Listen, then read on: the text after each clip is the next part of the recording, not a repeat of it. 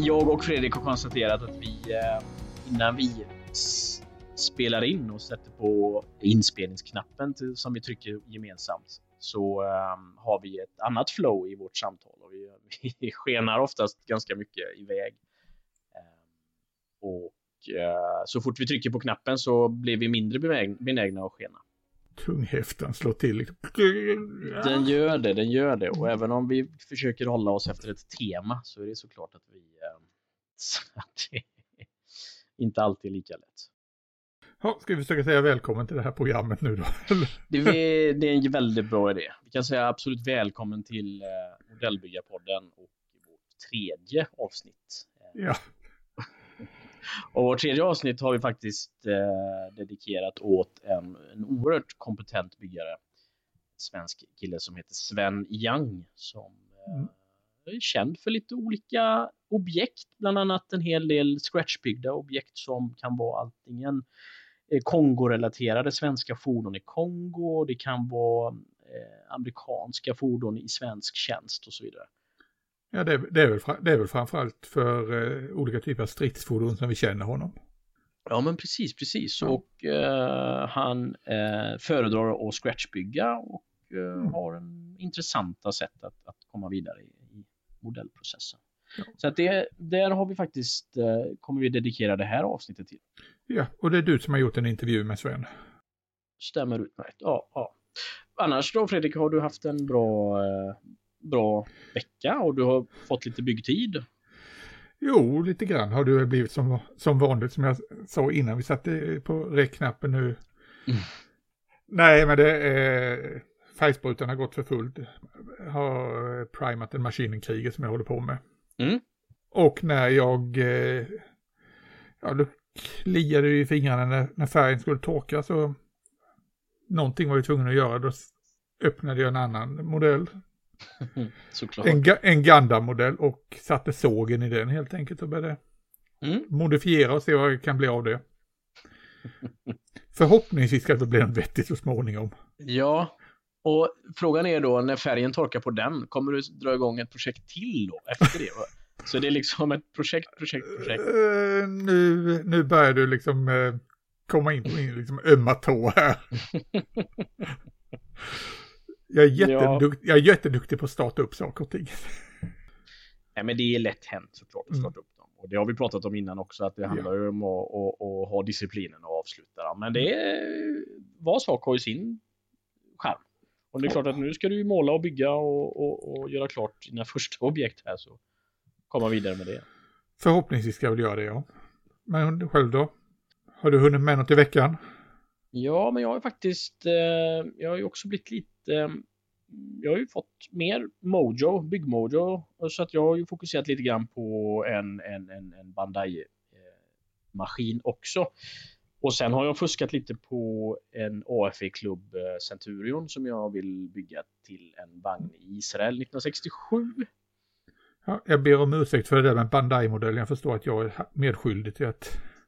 Eh, du är i allra högsta grad medskyldig till detta och det är klart att jag har... Det var länge sedan jag hade så roligt när jag byggde... och den är ju, den är ju väldigt enkel. Det är ju sån här klick... Eh, vad säger man? Ja, det är tryck ihop-modell ungefär väl? Ja, men precis. Så det är klick och klack och klonk och sen har jag ju modifierat den då med lite diverse grejer och faktiskt skrivit ut ett huvud i, uh, i resinskrivaren också och lagt på lite kablar och grejer. Så nej, men det är ett väldigt kul, mm. Eh, kul mellanbygge tänker jag att det ska bli. Christian, du fick ju till en intervju här med Sven. Ja, men precis. Jag kontaktade Sven och han ville gärna dela med sig av sina erfarenheter och, och uh, han har ju som sagt väldigt mycket spännande att berätta om, om, om sin del i hobbyn. Ja, men det, ska bli, det ska bli jättekul att lyssna på för eh, när man tittar på saker och ting på, på nätet till exempel, kolla på vad Sven har gjort, då ser vi bara liksom fasaden av det hela, eh, skyltfönstret. Mm. Vi vet ju inte hur, hur han funkar så att säga. Vad, vad, vad, vad har han tänkt på när han har byggt och vad har han för idéer och filosofier om, om sitt byggande och så vidare? Det är lite det som vi tänker med våra intervjuer också, att det är en sak om vi ser varandras färdiga alster på internet eller i tävlingssammanhang eller på andra situationer. Men den här eh, tanken bakom, den får man ju inte riktigt en inblick i om man, eh, om man inte gräver djupare. Så att det är de här intervjuerna som vi känner att skulle kunna hjälpa oss att få en inblick i andra människors tankar. Och... Mm. Så att eh, jag tycker att vi, eh, vi lyssnar på intervjun helt enkelt. Så, eh, mm. Rulla bandet. Vi rullar bandet så hörs vi om en liten stund.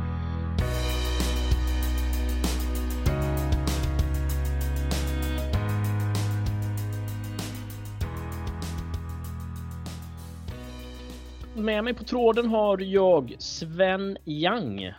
Uttalar jag ditt efternamn rätt när jag säger Sven Yang? Yes, det stämmer bra Christian. Fantastiskt. Sven är ju eh, känd i branschen för eh, att ha arbetat en hel del med Kongo-relaterade material och Kongo-relaterade modeller. Du är aktiv också i eh, SPHF på olika sätt och har föreläst på, på Svensk pansarhistorisk förening. Du är även också, har en hel del artiklar på plasticwarfare.se där man kan se dina byggen och gällande de byggena som du har gjort kring eh, svenska vagnar och eh, svenska vagnar och utlandstjänst och svenska objekt generellt sett. Eh, jag hälsar dig hjärtligt välkommen till våran modellbyggarpodd Sven. Ja men tack så mycket Christian och tack för inbjudan. Det var väldigt trevligt. Ja, men det var helt, du var ett givet namn när vi tänkte på vem ska vi eh, intervjua här och då som sagt du har ju en hel del på din repertoar och eh, väldigt många intressanta objekt. Och eh, du får gärna börja presentera lite själv. Ja, ja jag kan börja med att berätta att jag är född och uppväxt i Indonesien. Och där bodde jag tills jag var 12 år gammal. Mm. Eh, jag har en svensk mor och en engelsk far, därav det blandade namnet som jag har då. Ja. Eh, jag var brittisk medborgare fram till 2017 eh, och sen börjar britterna prata om Brexit och då tyckte jag att nej, det kanske är läge att söka svenskt medborgarskap också då, så att man åtminstone har dubbelt så att det inte blir något strul i samband med Brexit. Aha, så du hade inte dubbelt innan då utan det, det fick man söka?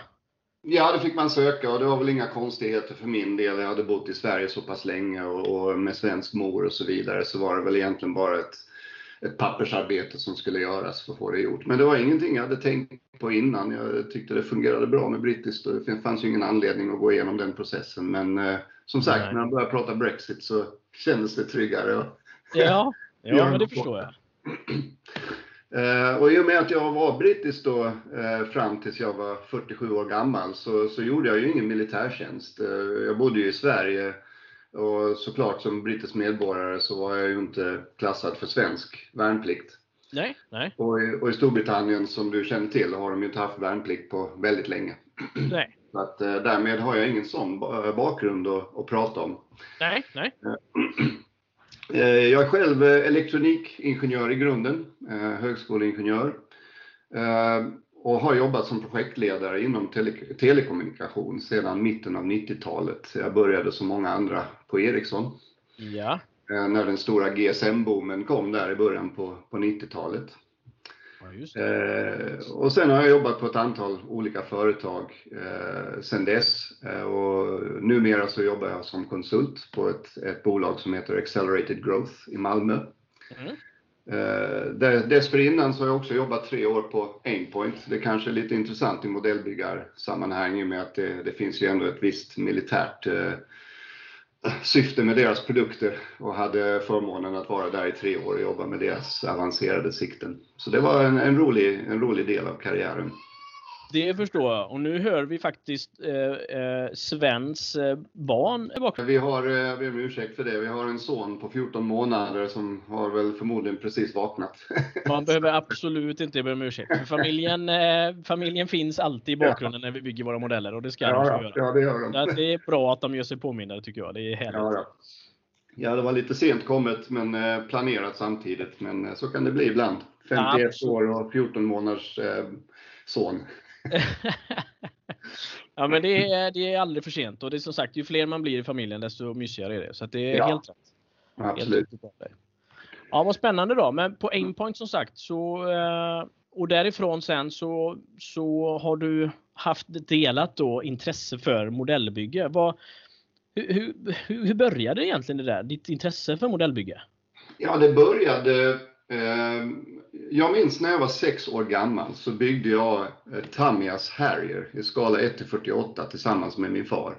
Mm. Och det är klart, vid den åldern så blir det gärna rätt mycket limkladd och annat eh, på flygplanet. Jag minns att vi, vi målade den inte ens. Eh, men jag var så otroligt stolt över den. Och, och, och jag tror ja. att ända sedan jag var väldigt ung så har jag alltid varit väldigt fascinerad över den här 3D-aspekten som man får av en modell. Eh, till skillnad från en tavla till exempel. Det är som en 3D-tavla. Eh, det är så ja. jag ser det. Eh, och det har ju alltid varit väldigt fascinerande för mig. Indonesien var det också väldigt gott om Tamiya-modeller. Ganska nära Japan. Ja, ja. Sin, sina modeller över hela Asien såklart och hela världen.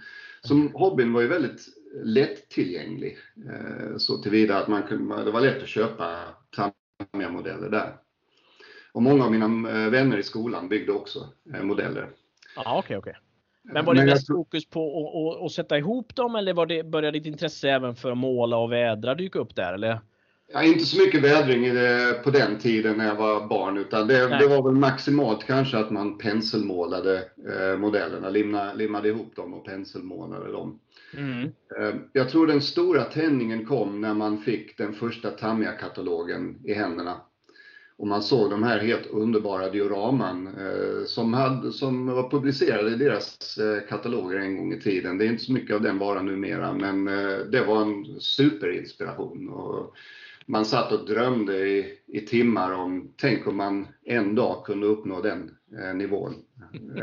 så det blev liksom... jag, Ja, jag minns också de mittenutslaget på vissa utav katalogerna och det var som du säger, man drömde ju sig fantastiskt långt bort och man förstod helt plötsligt att det är det här att oj vad man kan utveckla den här hobbyn. Det är inte bara att bygga en plastmodell utan man kan ju göra något helt annat av det. Så jag, jag förstår precis och kan relatera till din, din känsla där. Ja absolut. För jag menar, det, det är det som man upptäckte då att modellen är ju inte bara det som sitter i lådan utan det finns så mycket mer man kan göra med det och det, det tyckte jag var en fantastisk inspiration redan innan jag var tio år gammal så var jag redan helt, hade det helt fastnat i det. Mm, ja, härligt. Jag kan också berätta något lite roligt och det är ofta när man pratar med, med eh, modellbyggare som har, eller folk som har byggt modeller när de var yngre. Mm. Att, att, nästan alla säger ja det var så roligt att spränga dem med fyrverkerier. Absolut. Eh, ja. jag, jag, kan berätta att det har jag aldrig någonsin gjort. Och jag tror det var på grund av att jag, jag var så förälskad i att bygga modeller och, och i, i hobbyn redan som barn. Ja. Att jag, kunde, jag kunde inte ens tänka mig att sätta ett sprängmedel i en modell och spränga den. Att du skulle den. förstöra din skapelse, det kan Ja, det var för nära hjärtat på något ja, vis. Ja, jag förstår, jag förstår, jag förstår. Så, ja. Ja, nej men det är ändå det är härligt ändå att veta faktiskt hur länge du att du har på sedan barnsben liksom. Och det är mm. klart att har man, har man också en relation till, till sin hobby och att man har kanske lite barndomsminnen från att man gjorde någonting aktivt med sina föräldrar, sin pappa så, här, så, så finns det ju en, en väldigt skön och, och avkopplande del i det. Och nu vet jag inte hur mycket, modell, liksom hur mycket modellbyggetid du får nu. Det är klart att familjen kommer ju före och du har ju eh, andra saker också att tänka på. Du har ju byggt eh, på olika sätt hur började det och hur fortlöpte det sen? Började du med flygplan med enkom eller var det något annat eller hur? Ja, det har varit en liten utveckling under, under årens lopp. Eh, jag, I början så byggde jag faktiskt eh, mer flyg än, än pansar. Ehm, mm. Jag byggde bland annat Tamias Dambuster och Monograms B17G och det var rätt stora modeller i skala 1 till 48 och rätt maffiga, pampiga ja. Men jag byggde även lite pansar eh, och eh, faktiskt ett slagskepp. Eh, Tamias ja. Yamato i skala ja, 350. Så mycket där i början. Men så småningom så fastnade jag då för eh, militära fordon. Ja. Ehm, på 80-talet då var det mest bygge direkt ur lådan. Det fanns ju inte så mycket av den här eftermarknads eh, verksamheten som finns eh, idag. Och sen på 90-talet så började ju Velinden smyga in med sina uppdateringar och konverteringar och även Edward och vissa andra av de här bolagen kom med etsade uppdateringar. Så då tog man det steget och började detaljera lite extra. Ja, och så vidare.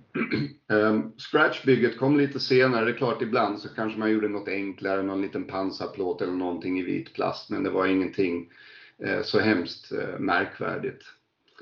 Nej, för jag skulle just fråga dig det, för när det gäller eh, som du säger eftermarknadssätt så, så mm. finns det ju en uppsjö av dem och de som inte känner till eh, Svens arbeten så har du ju du har ju eh, scratchat bland annat en KP-bil, du har scratchat en, en stormartillerivagn M43.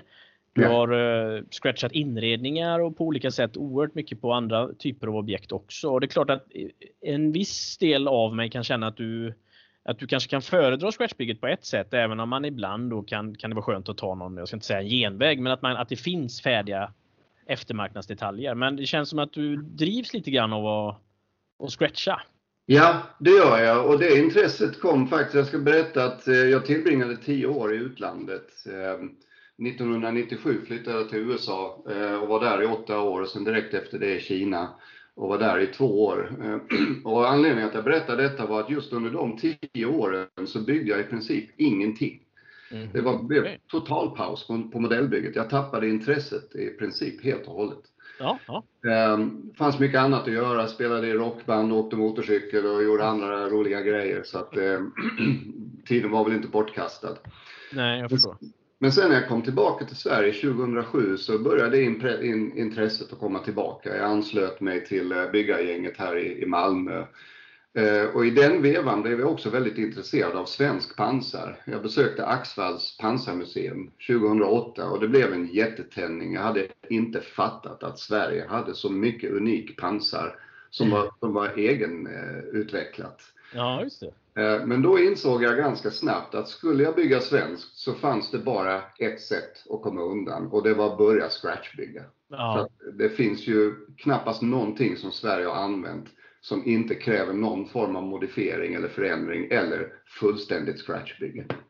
Nej, det var spännande. Och, och, kände du dig liksom, för jag menar att gå då från att inte ha byggt på många, många år till att börja scratchbygga är ett ganska stort steg, men du ja. kände dig inte, inte rädd för att du, det här, utan du kände du slänger dig bara ut i det och testar dig fram och Ja, det var, det var lite så. Jag blev, jag blev väldigt inspirerad av eh, bland annat Kjell Svenssons KP-bil som han byggde i 1-35 och jag tog kontakt med honom och frågade om han hade några ritningar och sådana grejer och han var jättesnäll och delade med sig både av sina ritningar och eh, utskärningsmallar och så vidare.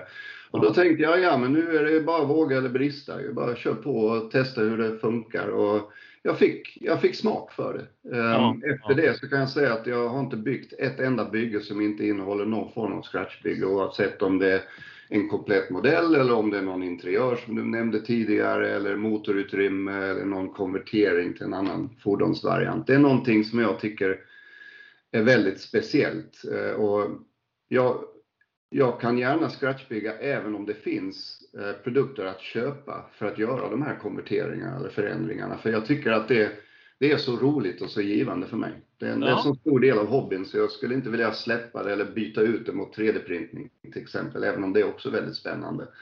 Jag, jag tycker om hantverket. Ja, nej, jag förstår absolut. Och, och, och just diskussionen om 3D-printing är ju en helt eget poddavsnitt, absolut. Och det, det finns mycket att prata om där. Ja. Och missförstå mig inte, jag älskar det här med 3D-printing. Jag tycker det är fantastiskt. Spännande. Ja, absolut, absolut, absolut.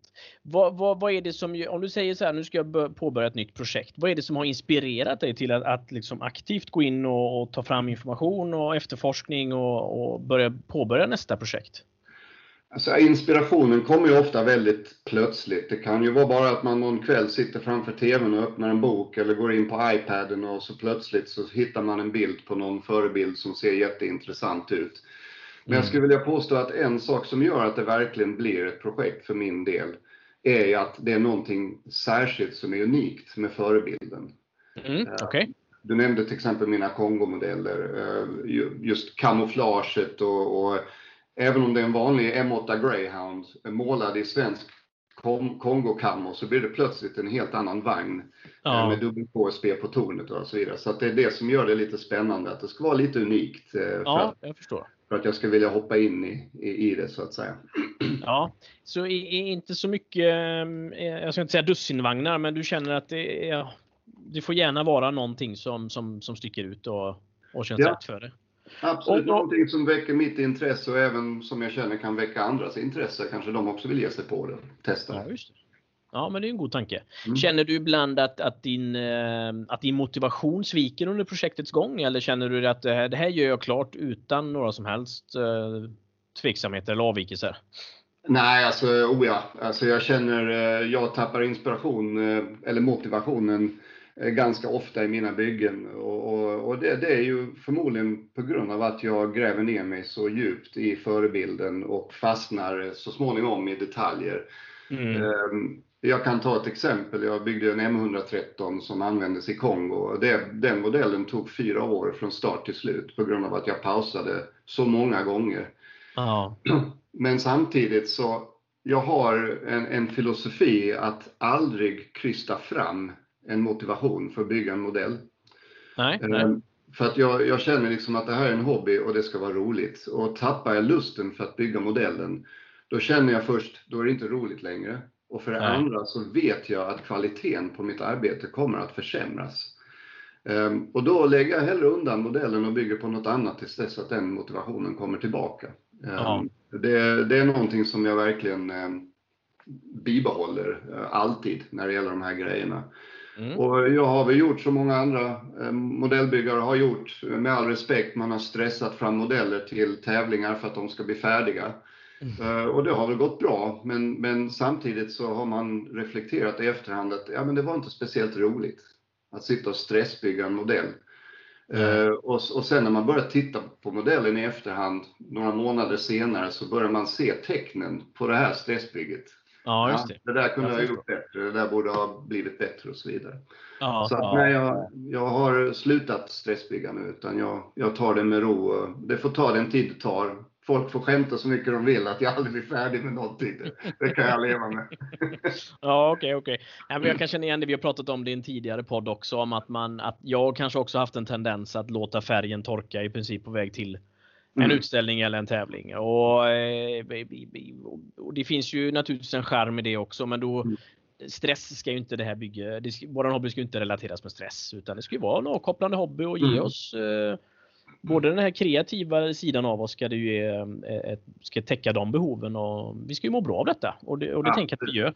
Och generellt sett, jag vet inte om du delar min tanke, men det här är ju en hobby där folk delar gärna med sig av sina kunskaper och det är en väldigt varm och Mm.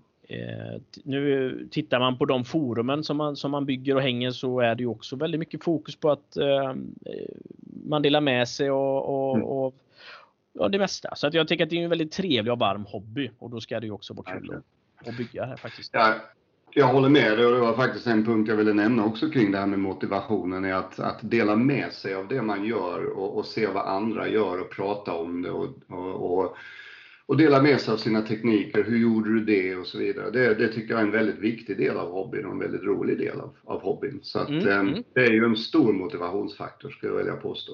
Ja, vad härligt, vad härligt. Det kan till och med väcka ett bygge om man har tröttnat på den. Att man bara lägger ut en bild och någon kommenterar så, åh vad roligt, vad, hur gjorde du det där? Det kan, det kan räcka för att eh, elden kommer tillbaka. absolut, absolut. Mm. Har, du, har du varit aktiv i tävlingssammanhang de sista åren? Nej, det har inte varit. Jag har faktiskt inte tävlat sedan, vad kan det vara, 2018 eh, måste det ha varit. Då, tävlade jag med min eh, Kongo M113 på C4. Det var det, det, var det senaste.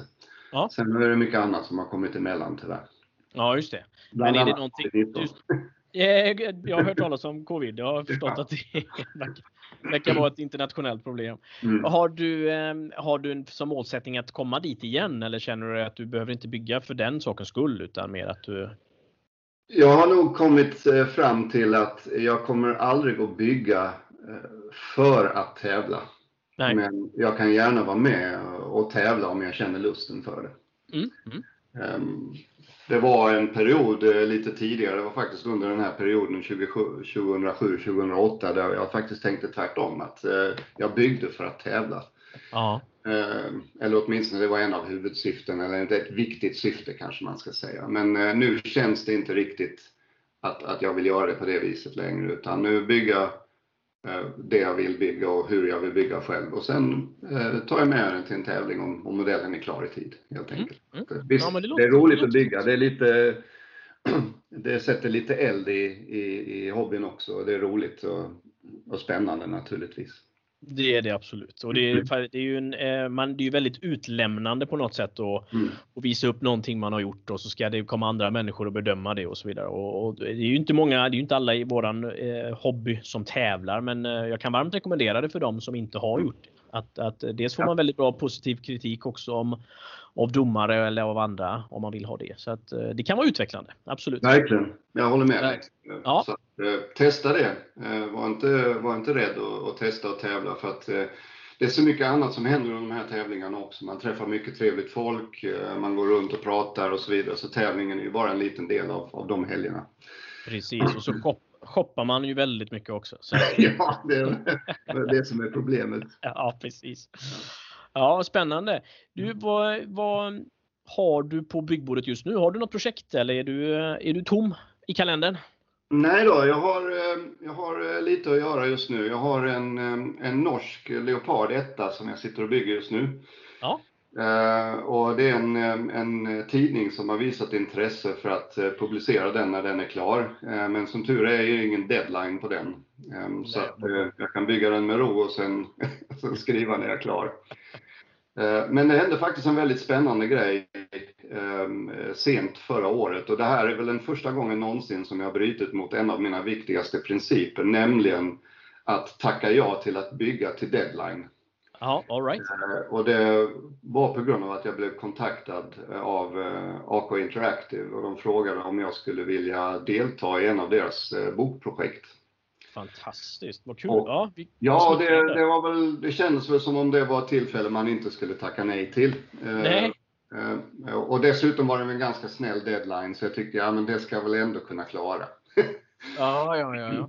Ehm, och jag kan säga dessutom att, att ehm, det hjälper motivationen när man har en deadline. Det, det trodde jag inte innan. Ehm, men, men faktum är när man har en sån positiv motivation ja. så, så hjälper det att hålla den modellen på byggbordet. Nu får jag dessvärre inte berätta vad det är för förebild just där. Det har jag lovat på heder och samvete att det ska vara hemligt. Men det kommer en bok så småningom då ehm. håller vi eh, på sekretessen där och håller det hemligt såklart eh, tills vidare. Men det ser vi fram emot att se eh, vad det kan vara för objekt och även naturligtvis att se hur, hur du har byggt och donat. För ja. jag tänker att du, du fotar också under byggets gång, eller hur? Ja, ja det gör jag. Ja. ja. Och det, det gör jag faktiskt normalt oavsett. Eh, bara ifall jag tycker om att ha eh, bilder på det jag har gjort. Jag tar ganska detaljerade bilder. Sen om de hamnar i tidningar eller böcker eller inte, det är sak samma egentligen. Det är roligt att ha de bilderna i efterhand. Ja, Påminna sig själv vad man har gjort. Men, eh, så det har jag som princip oavsett. Att eh, ja. bild. Ja, vad häftigt, vad kul. Det ser vi fram emot. Det ser vi fram emot. Det här var ju fantastiskt trevligt Sven. Jag mm. uppskattar verkligen att du delar med dig av, eh, av både dina anekdoter och eh, dina erfarenheter naturligtvis och dina projekt och hur du påbörjar och hur du eh, når fram till projektens avslut också. För det mm. tror jag att det är väldigt många som har stora utmaningar med och som du säger att det det får väl ta den tid det tar, för många också kan ibland räkna och säga hur, hur lång tid tog det att bygga den modellen och särskilt om man pratar med andra människor. Och då kan man ju välja att antingen berätta i timmar då, hur länge man har mm. suttit och hur, hur värderar man hur länge man arbetar med det. Alternativt så får man ju säga att nu har vi suttit i, jag har gjort det här i fyra år. Mm. Och då tror jag, ja, så det är ju väldigt fascinerande mm, tidsaspekt i våran bransch och vissa saker ja. smäller man ju ihop på i princip på en helg då. Ja. Så att, eh, det är ju lite ambitionsnivån av vilka objekt man väljer. Absolut. Så att jag, eh, jag tackar ödmjukast för att du ställde upp och uh, lät dig intervjuas på våran podd, Modellbyggarpodden. Och, uh, och vi följer naturligtvis din utveckling och även med AK Interactive där också så ska vi hålla ögonen öppna efter boksläppet här. Jag ser till att nämna det på, på Facebook eller någonting när det, när det är dags. Ja, det, det, ser vi fram emot. Men då tackar jag ödmjukast eh, återigen Sven. Tack för att du ställde upp på intervjun. Så, Tack själv Christian så önskar jag dig en fortsatt bra eh, sommar. Ja, tack detsamma.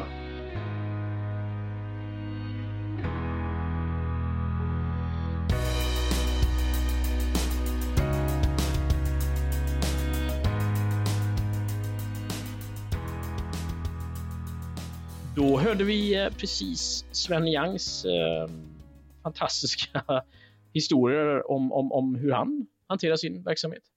Det var mycket, mycket intressant att lyssna på. Ja.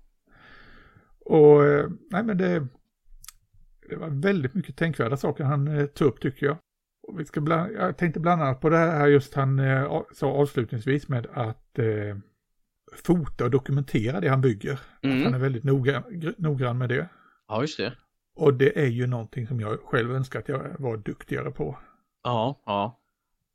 För vad tänker du att man... ehm, Men bl- bland annat kan det vara ganska kul att ha alltihopa. ja, Och sen är det ju emellanåt det här, hur gjorde jag det här? absolut så att man faktiskt kan se det som en liten utvecklingsdel också, att man kan backa bandet Mm. och se. eh, Och, och sen är det också det här lite före och efter är ju oerhört roligt och spännande tycker jag också att se. Ja, och sen har jag ju märkt att när man lägger ut lite så här bilder på, i, på Facebook Mm. om hur man jobbar eller så processen, det är väldigt mycket intresse för det. Och det kan Ja. vi nog bli, bli bättre på, för det är, i alla fall jag kan bli bättre på det. Jo, om man, om man är noga med att vill dela med sig så tycker jag ju att det finns ju inget bättre när du går in på ett modellbyggarforum och det finns en byggtråd. Så från Mm. början till slut. Ja. Eh, och det har ju ersatts till stor del av, av Youtube också, att man kan se hela processen där. Men Mm. eh, det är ändå något visst att följa med från, från början till slut. Men överhuvudtaget det här med att dokumentera det, jag tror eh, det finns också ett värde i det just för att då har man koll på vad använder jag för material och sådana prylar. Det är ju Mm. flera gånger jag har fått frågan, ja vad var det för färg du använder där? Ja, just Eh, ja just det, det kom jag inte riktigt ihåg. Nej, nej. Då kunde jag ju antingen tagit det bara ett enkelt foto på Ja, just det. färgpytsen eller skrivit ner det. Ja, precis, precis. Och jag vet på den tiden när jag höll på att måla mycket figurer, alltså eh, till Warhammer och liknande saker. Jag kunde ju glömma från ena gången till den andra, vad var det jag hade för färg på de här uniformerna? Ja, just det, så blir det inte samma eh, färg nästa Det gång inte- man... Nej. Nej. Och det, det kändes lite jobbigt emellanåt. det kan ju vara, finnas en charm i det samtidigt så vet du att du får, du, då får du måla om de första också i samma färg. Ja. Nej men det, det kan, ja precis. Det finns ju, eh, och generellt sett idag är det ju lätt. Alltså tittar man på våra mobilkameror och andra så är det ju oerhört lätt att dokumentera. Man måste ju inte ha en systemkamera och du måste inte ha ett fototält heller så att säga. Det är bara en, en, ett vitt A4 i princip eh, halvböjt mot väggen och så kan du Jag behöver ju ofta inte ens ha det, utan det funkar ju eh, lika bra med skär, skärmattan man har i botten. Mm, mm. Nej men absolut så. Så det är ju väldigt lätt eh, att, dokumentera och, och kvaliteten blir ju väldigt bra. Så att eh, nej, ja. det är faktiskt ett bra sätt. Det ska vi nog ta och kanske också titta närmare på vid något tillfälle, det här med att fota modeller. Ja, ja men det, det tycker jag är väldigt bra idé. Och på tal om just att, att komma till olika insikter också. Jag fick ju precis höra här att min eh, poddkamrat Fredrik Håkansson hade en, har en hemsida eh, där han har lagt ut alla sina objekt. Ja, Eh. okej, förlåt, förlåt att jag mörkade det. Ja, det var, vi som sagt har ju pratat det här om Jante, att vi ska lägga det åt sidan. Så det var vi, det var vi tar med oss i lärdomar. Så att det är ju fantastiskt spännande att se dina byggen där. Eh, hemsidaadressen är modeller.panser med z, panserfredrik.se. Modeller.panserfredrik.se. För de som vill gå in och kolla, det är oerhört fina och intressanta objekt. Flyg, båt och, och lite rymd, eh, sci-fi maskiner. Så att det var ju trevligt att, och det kom ju upp när, när vi faktiskt pratade lite löst om, om livet och, och det ena och det andra. Då dyker det upp sånt. Japp.